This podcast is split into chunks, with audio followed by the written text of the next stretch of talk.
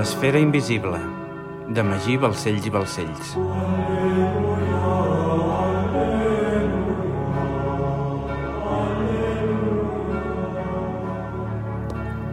Capítol 22. Representacions d'animals.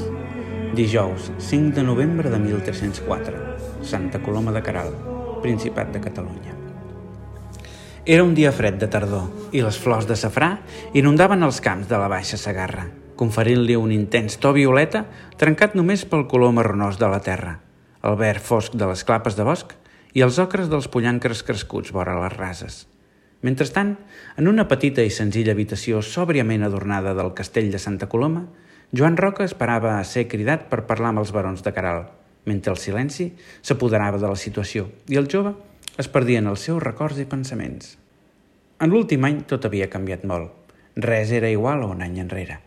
Ja no tenia la tutela del seu tiet, vivia sol, havia entès finalment els misteris de la geometria i se sentia excitat davant la perspectiva del que li vindria a sobre.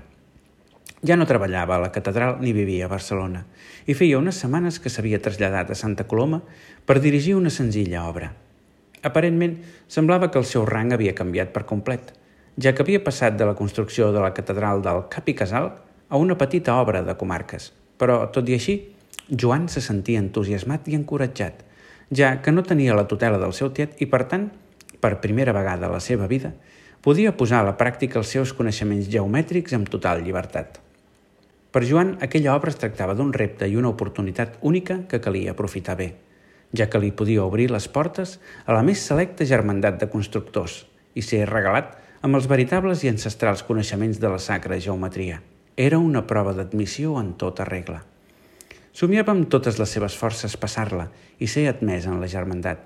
Si ho aconseguia, seria iniciat en la instrucció on s'agrupaven els homes més savis i experimentats del món de l'arquitectura. Per un cantó se sentia insegur de poder-ho aconseguir, però per l'altre pensava que si s'havien posat en contacte amb ell per provar-lo, significava que tenia un talent innat que calia aprofundir. Tot va començar amb la visita d'un home feia quasi un any. Després de l'episodi amb el rei a Cervera, d'haver conegut a Beatriu i de l'alliberament del seu pare, va tornar a Barcelona per seguir treballant a la catedral. Però pocs dies després el va venir a trobar un home misteriós. L'home es va presentar a peu d'obra de la Catedral de Barcelona demanant per Joan i es va presentar com a Pierre de Castelnou, mestre d'obres de la Catedral d'Amiens. Quan Joan va sentir el nom i el seu càrrec, va quedar completament sorprès que un home de la seva categoria hagués vingut fins a Barcelona per conèixer-la en persona. No entenia de què es podia tractar ni com era possible que aquell home tingués coneixement d'algú tan intrascendent com ell. Sota diversos pretextos, Pierre el va fer anar a un lloc tranquil per parlar amb ell. Al cap d'una estona i fetes les presentacions, el mestre Damiens va començar a enumerar una per una totes les virtuts de Joan. Ho sabia absolutament tot. La seva edat, el dia del seu naixement, el nom dels seus pares, el seu origen, l'adopció del seu tiet, la seva intervenció en els carreus de la porta de Saniu, les seves tasques de direcció a l'absis de la catedral i fins i tot l'episodi de la capella de Sant Àgata que li va salvar la vida a l'infant i a la reina. Joan estava bocabadat. Una barreja de sorpresa, sentiment d'impotència i por li recorria el cos i no sabia com actuar. Finalment, Pierre li va dir que l'havia vingut a conèixer personalment perquè el seu talent els havia demostrat que tenia un destí important en la seva germandat. Li va dir que hi havia pocs homes al món dotats amb la seva intel·ligència i talent i que els pocs que hi havia estaven agrupats en una mateixa germandat que els protegia i els instruïa en els secrets de l'arquitectura. La nostra germandat, Custodia els coneixements arquitectònics que la humanitat ha assolit al llarg dels temps, des dels seus inicis amb la construcció de les piràmides, passant per la Torre de Babel, l'antiga ciutat de Babilònia, el Temple de Salomó, els sabers grecs i els Collegia Fabrorum que van erigir la colossal ciutat de Roma, li va dir Pierre. Joan havia sentit a parlar de la germandat per boca de Grau de Montcada, però tot i així mai n'havia tret l'entrellat i sempre havia estat un misteri. Suposadament, els millors mestres d'obres d'Europa en formaven part, però mai havia conegut cap mestre d'obra que en fos membre. També és cert que cap membre de la germandat hauria revelat mai que en formava part, però pel que jo en sabia, cap mestre constructor de Barcelona n'era membre, ni tan sols el seu important tiet. Pierre li va explicar que estava integrada quasi en la seva totalitat per francesos i homes de Flandes o al nord d'Itàlia, i que molts mestres barcelonins havien intentat iniciar-se en la germandat, però sempre amb resultat negatiu. Per aquest motiu, Quan Joan va ser convidat a iniciar-s'hi, va entendre que la simple possibilitat d'esdevenir-ne membre era un autèntic privilegi. Joan estava extasiat. Ni per un sol instant hauria imaginat mai que seria convidat a iniciar-se en la més prestigiosa organització del món de l'arquitectura. Durant un temps, Pierre va visitar Joan cada dia per explicar-li el camí a seguir i per preparar-lo per la cerimònia d'iniciació. Joan se sentia afalagat amb l'expectativa i es repetia dins seu que el fet que l'haguessin vingut a trobar era un somni fet realitat. Així que va posar tots els seus esforços en satisfer les expectatives del mestre Damiens, en respondre totes les seves preguntes i seguir els seus passos i recomanacions. Tal com havia fet Grau de Montcada en el seu dia, Pierre instruïa el jove, qui no tenia gaires problemes per entendre els conceptes i assimilar aquell coneixement de forma clara i ràpida. En tan sols un mes, Joan havia passat de tenir un coneixement llegendari i allunyat de la germandat a tenir una idea clara i concisa de com havia nascut i quin era el seu propòsit. Tot es devia al secretisme dels gremis i al seu estret contacte amb l'ordre del temple. Des dels seus inicis, els gremis de construcció havien usat coneixements tecnològics molt avançats, coneixements que havien guardat gelosament per garantir la seva pròpia salvació. Amb el renaixement de les ciutats i el ressorgiment d'Occident, els mestres constructors es van fer molt rics gràcies als seus coneixements. Però el fet que es pogués esdevenir lliure en les ciutats va fer que els gremis s'autoprotegissin a si mateixos per evitar la competència i continuar gaudint dels seus privilegis. Els mestres constructors, en la seva majoria nascuts com a vassalls que havien aconseguit la seva llibertat i temorosos que els altres poguessin fer el mateix, van encriptar el seu coneixement i es van valdre dels símbols per amagar el seu saber als ulls no iniciats. Així va ser com, mitjançant aquest sistema, van esdevenir corporacions molt tancades i carregades de misteri i secretisme. De forma paral·lela, amb el naixement de l'ordre del temple, els monjos guerrers necessitaven imperiosament els seus coneixements per desxifrar el saber que havien trobat en els fonaments del temple de Salomó i poder alçar les catedrals, imprescindibles perquè l'ordre del temple pogués escometre el seu destí. Així, van arribar a un pacte en virtut del qual l'Orde del Temple donava suport econòmic i polític als gremis de construcció, a canvi que aquests guardessin els secrets i alcessin els temples seguint uns directius arquitectònics determinats. Amb el temps, la influència de l'ordre en els gremis i a la inversa va crear un sincretisme tal entre ells que el simbolisme gremial va traspassar l'ordre del temple i els secrets geomètrics i arquitectònics templers van impregnar la filosofia gremial, barrejant-se tant que al final era difícil destriar-ne l'una de l'altra. Per garantir un millor control sobre els gremis i els secrets, l'Orde del Temple va crear una branca paral·lela exclusiva per a constructors, on hi hauria només els homes més influents, més virtuosos i amb més talent dels gremis de construcció, la Massien du Sang Real. Els homes de la naixent germandat van crear tota una organització a l'efecte, amb diferents càrrecs i funcions, jerarquies, sistemes de decisió i elecció, seus, propòsits, objectius i fins i tot un estrany escut, representat per una escaire acoblant-se amb un compàs i la lletra G just al centre, representant el grial, el calze diví que s'obté amb els instruments de la geometria. Un cop es va posar en marxa la germandat, els experimentats mestres van començar a fer reunions secretes en la seva seu per debatre sobre la seva gran passió arquitectònica. Malgrat tot, com a homes amb grans coneixements que s'havien forjat a si mateixos i com a burgesos amb afany per millorar la injusta situació del seu estrat social, mantenien contínues discussions que abastaven totes les branques del saber per intentar engrandir la seva importància. Agrupats en aquestes reunions i amb el temps, van desenvolupar una filosofia pròpia que establia la llibertat d'expressió, el pensament lliure, el raonament i la lògica com a requisit indispensable per garantir el progrés, l'única via possible per aconseguir una societat justa on regnés la llibertat, la igualtat i la fraternitat. Una societat ideal que col·locaria la burgesia al lloc que per dignitat li corresponia mostraven especial interès en la raó per trobar la veritat i consideraven que qualsevol idea havia de ser respectada i posteriorment acceptada com a veritat sempre que pogués ser provada per la raó i la lògica. Per evitar entrar en conflictes de fe, només s'acceptaven com a vàlides les veritats provades mitjançant la raó, motiu pel qual anomenaven lògies a les seves reunions, ja que aquestes es dedicaven a destriar les veritats usant la lògica. En un món on el monopoli de la veritat estava en mans de l'Església de forma exclusiva, Valdre's del raonament per proclamar veritats diferents a les establertes als evangelis era una absoluta temeritat. I per aquest motiu, i tenint en compte la seva tradició simbòlica, es van valdre dels símbols per crear un llenguatge propi que només ells podien entendre. Després que Joan ja tingués una idea general de la Massien du Sant Real, Pierre va començar a explicar-li la simbologia de la germandat. Cada tarda, durant mesos, El mestre Damiens anava a la casa de Joan i es tancaven en una habitació fins ben entrada la matinada. Allà, en la solitud i calma de la nit, instruïa Joan perquè pogués entendre i transmetre la filosofia i sabers de la germandat. Els símbols introduïen a Joan en un particular llenguatge que només un centenar de persones a Europa podien comprendre.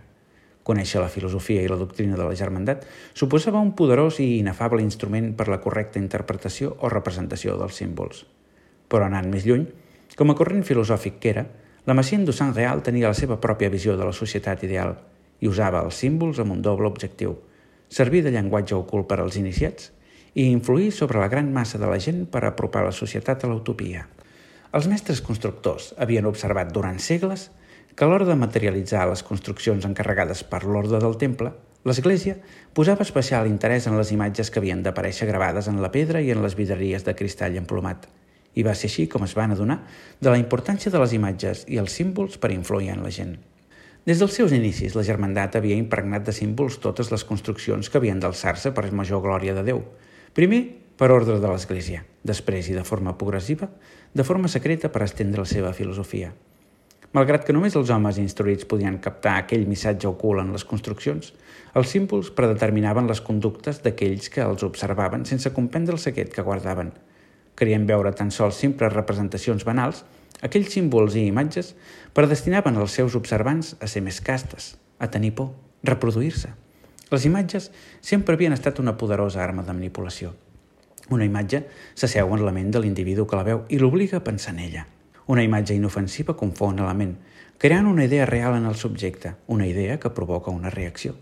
La vista és el més perfecte dels sentits, capaç de generar odi, amor o por de forma immediata i amb molta més facilitat que qualsevol dels altres sentits. Una imatge és comprensible per tothom, li deia Pierre Joan. I la prova n'és que els primers llenguatges escrits no eren més que representacions d'imatges. No cal saber llegir ni escriure per entendre una imatge. Les imatges religioses de les vidreries de les catedrals escriuen la Bíblia amb la llum i el color, i tothom entén el missatge al moment. La imatge té més poder que les paraules. Les veus encara que no vulguis o no en siguis conscient. La paraula requereix d'actitud activa del receptor per compensar-el mitjançant la raó, mentre que la imatge es percep fins i tot amb una actitud passiva que per res del món necessita la raó, ja que sedueix inevitablement amb l'emoció. Una imatge de la Mare de Déu, de Crist, de la Pietat o de l'infern té més efecte que la Bíblia llegida mil vegades – són les escultures i la imatge el que ha fet famosa la catedral d'Amiens. Joan pensava que tenia sentit. Sabia que els temples estaven alçats sobre llocs telúrics importants per on brollava una energia que influïa sobre els éssers vius del planeta. I si, a més a més, en aquests temples s'usaven les imatges per influir sobre les emocions de la gent, el control sobre la societat era en teoria més gran. En la majoria de les esglésies, deia Pierre, trobem imatges de pietat i clemència celestial, però també de penediment, de dolor, de penitència, de bèsties i entitats diabòliques de l'infern. De fet, abunden més aquestes que no pas les primeres. La majoria de la gent s'acosta més a la religió per la por al misteri de la mort i la còlera celestial que per amor a Déu. El missatge de por de l'Església no és perquè sí. La por redueix el flux energètic que circula per qualsevol ésser viu i si això es produeix en massa sobre molts éssers vius, la Terra sencera en pateix les conseqüències. Per contra, quan una persona experimenta sensacions positives i alegria, l'energia circula de forma més ràpida. La Terra en pateix les conseqüències? Quines conseqüències? va preguntar Joan. Cada cosa al seu temps, li va respondre Pierre. Quan ascendeixis de grau ho sabràs.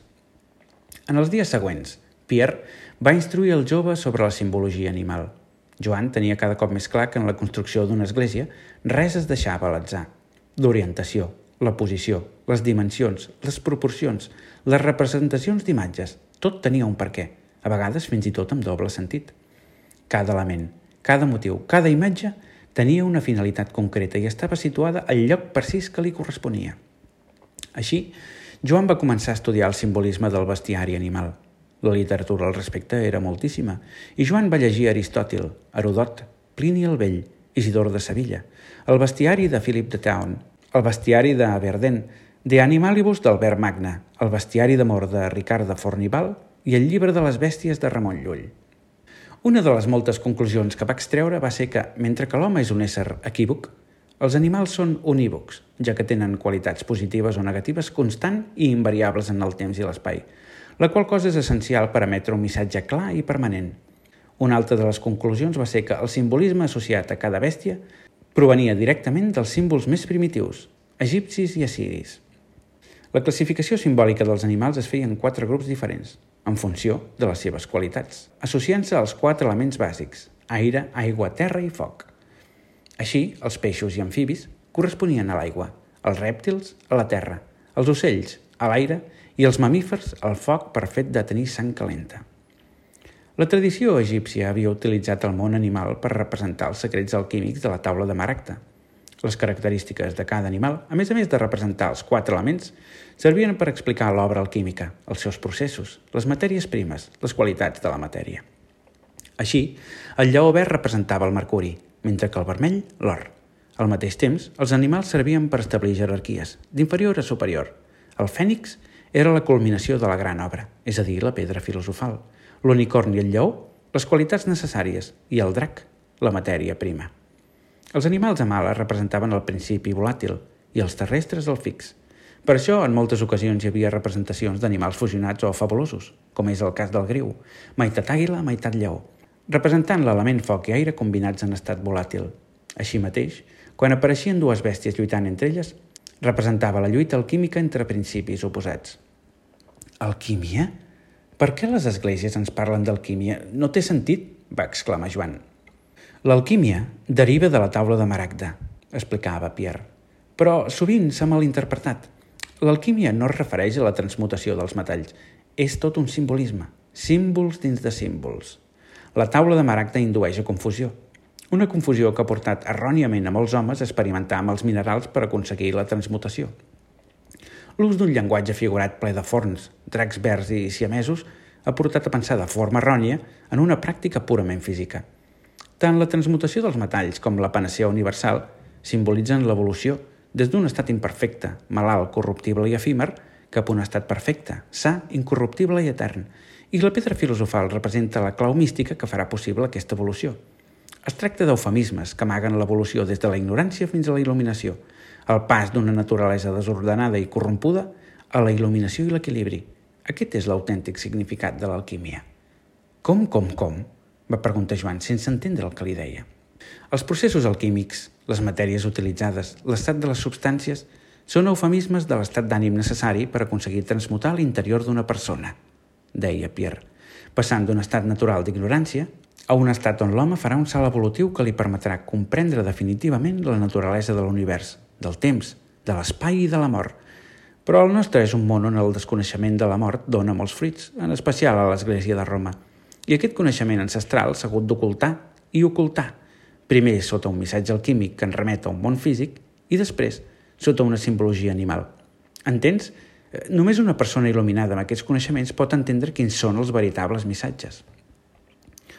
Joan estava entusiasmat amb els nous coneixements que estava assolint i es considerava una persona privilegiada.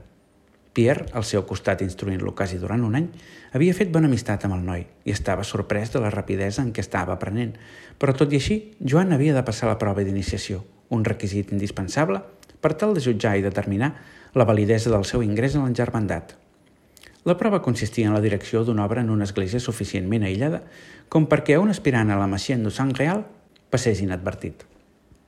A tal efecte, havien trobat un emplaçament perfecte per realitzar les proves – es tractava d'un petit convent que havia estat propietat de l'Ordre del Temple 70 anys enrere i que en l'actualitat albergava una comunitat de donats.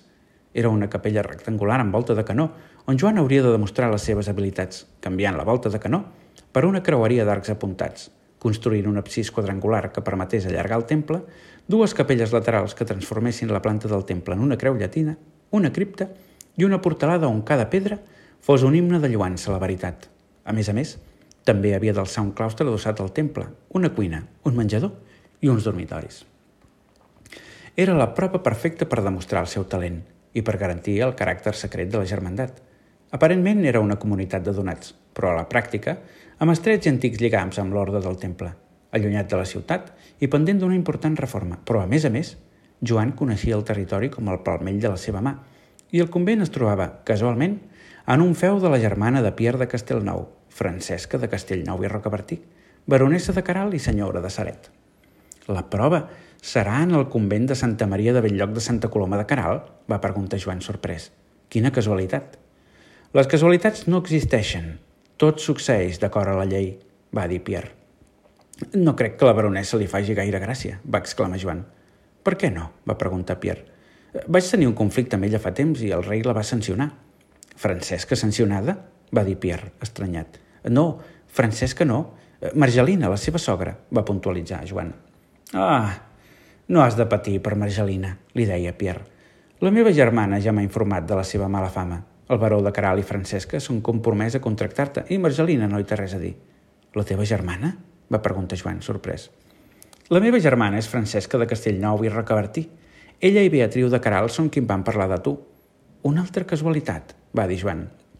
La casualitat no existeix, va dir Pierre. No vas deixar de ser vassall per casualitat. No vas conèixer el rei per casualitat. No reformaràs bell lloc per casualitat. Les idees poderoses tenen vida pròpia i busquen materialitzar-se a tota costa.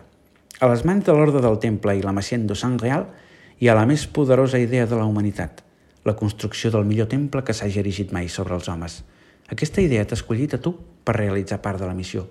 Tu has d'ocultar el coneixement primigeni perquè no es perdi la nit dels temps, perquè els nostres enemics no el destrueixin.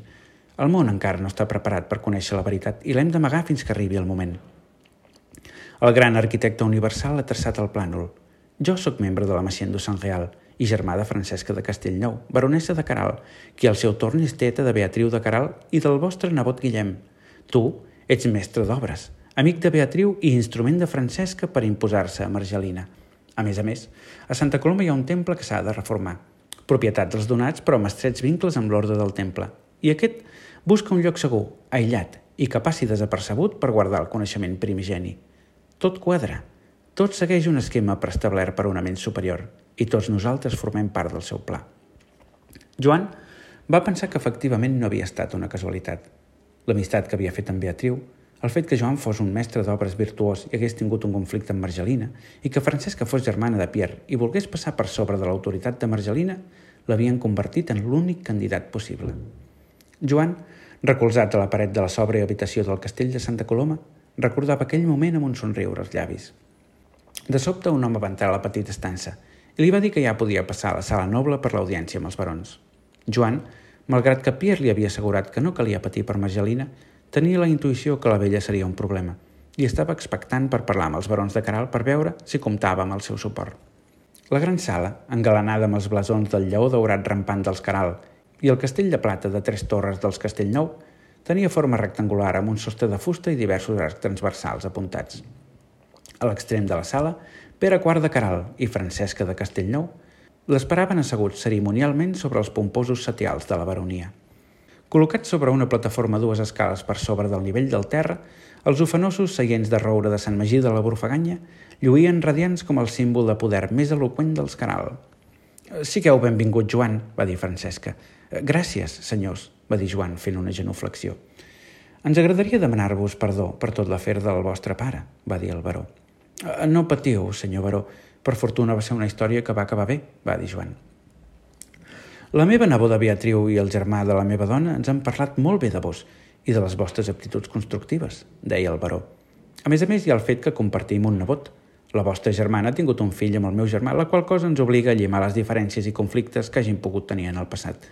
Sou família del meu germà i per respecte a ell hem de mantenir bones relacions i ajudar-nos. Gràcies, senyor baró, va dir Joan. Estic d'acord amb vos i agraeixo de tot cor el vostre gest. Eh, per part meva, us garanteixo lleialtat i respecte i us asseguro que em sento completament entusiasmat amb el projecte. Heu estat mai a Santa Maria de Belllloc? va preguntar-li Francesca. Eh, sí, tot i que fa molts anys, va respondre Joan. És una petita capella de fora muralles, explicava el baró. És una capella antiga, petita i fosca, i ens agradaria reformar-la. Volem que la converteixis en el panteó familiar dels Caral, va dir-li Francesca. Eh, tinc un projecte preparat que espero que sigui del vostre gust. Eh, només hi ha una cosa que em preocupa, va dir Joan. Digueu-me, va dir el baró. Amb tots els meus respectes, senyor, eh, no m'agradaria que em malinterpretéssiu, però la vostra mare està d'acord amb el meu nomenament? va preguntar Joan. El vostre nomenament no és cosa de la meva mare, és cosa meva, de Francesca i de Beatriu, va sentenciar el baró. Entenc que estigueu preocupat per la meva mare. Conec la mala fama que s'ha guanyat a pols, però ella no és la baronessa, no heu de patir per això.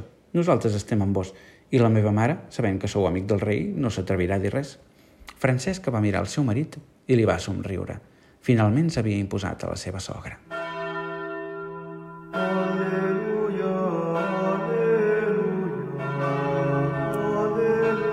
L'esfera invisible, de Magí Balcells i Balcells. Aleluia, aleluia.